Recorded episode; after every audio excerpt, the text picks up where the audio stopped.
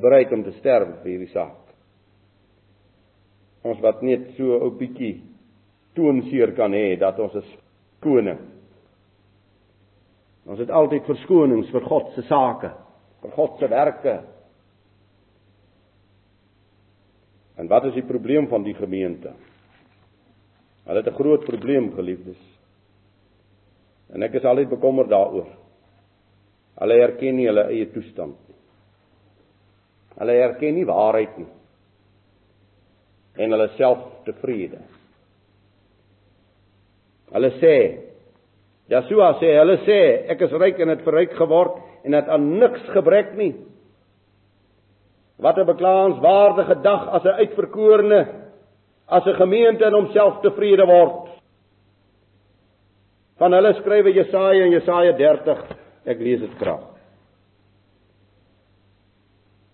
Jesaja 30 vanaf vers 9.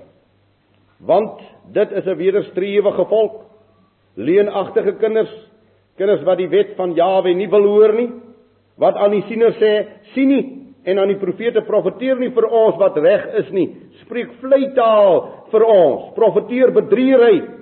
Wyk af weg van die weg, wyg af van die pad. Laat die heilige van Israel voor ons aangesig verdwyn.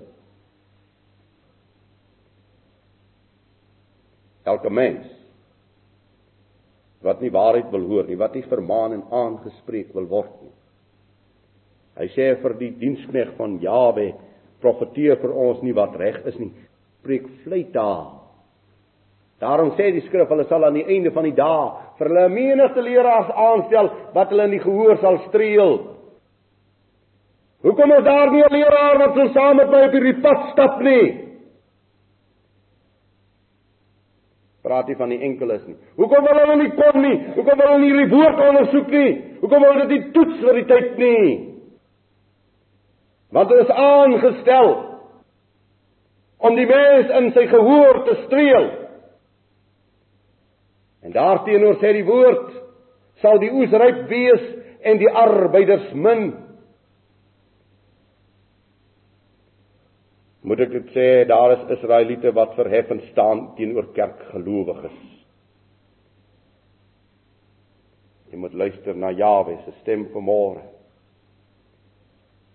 Daar is mense wat hulle identiteit ken vanmôre en hulle staan hoogmoedig verheffend teenoor kerkgelowiges, dit wil sê mense in die kerke. En nou is dit moontlik 'n mens kriteria wat ek vanmôre trek. Maar daar's mense vanmôre in die kerke wat meer toegewyd is en ernstig is met Jawe, al het hulle nie die kennis nie wat binne die kerke sit.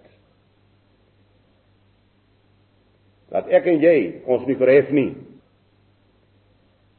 Moenie dat 'n bietjie kennis, 'n bietjie kennis Wat verstaan u en ek van die grootheid van ons Vader? Ons verhef nie, laat ons kleiner word. Laat ons nederiger word.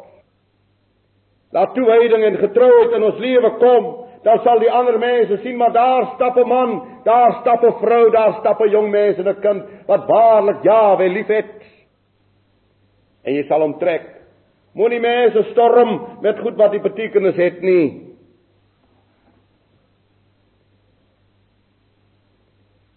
tevrede selfroemend en Yeshua sê jy is elendig jy is elendig hierdie woord beteken ook treurig hopeloos. Nou wat beteken dit? Dit wil sê daar is geen krag in jou nie. Daar is geen vermoë in jou nie. Jy is elendig Geliefdes, as u en ek die werk van ons Vader op hierdie aarde wil doen, dan moet ons sterk wees. Dan moet ek korrek wees. Dit is ons soeke. As ek my my Vader gaan sit by hierdie skrif, dan vra ek altyd vir hom, gee vir my die waarheid. Ja, hy gee vir my die waarheid. En dan besef ek al meer en meer en geliefdes, moet ek dit bely. Ek staan voor U as 'n onwaardige mens. Maar die Vader ken vanmôre my behoeftes en my begeertes in my hart. Is dat my mense die waarheid sal hoor en dat my lewe die waarheid sal getuig.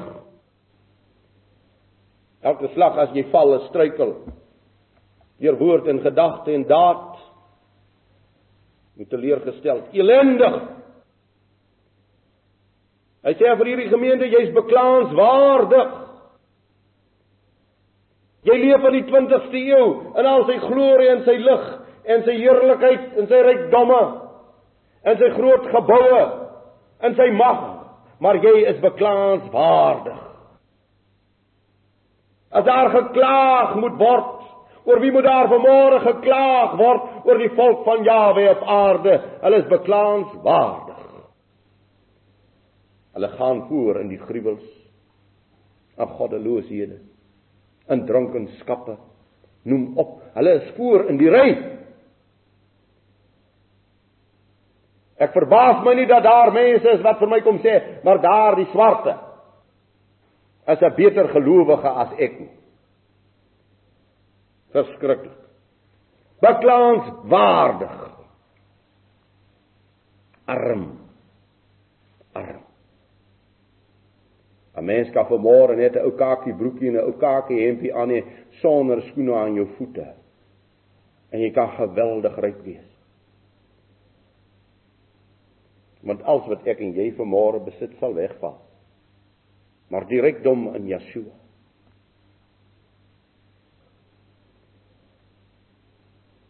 Blind. Naak. Jy weet hierdie woord naak is 'n geweldige woord as jy deur die Bybel gaan lees dan sal u telkens sien wanneer die volk van Jawe gehoreer het gehoreer het met die heidene met die heidene nasies dan het God elke keer vir hulle sê hulle is uitgetrek hulle het naak hulle die die vyand het hulle naaktheid gesien het jy gesien soos jy is jy kan met klere en versiersels baie wegsteek van jou liggaam en jou lewe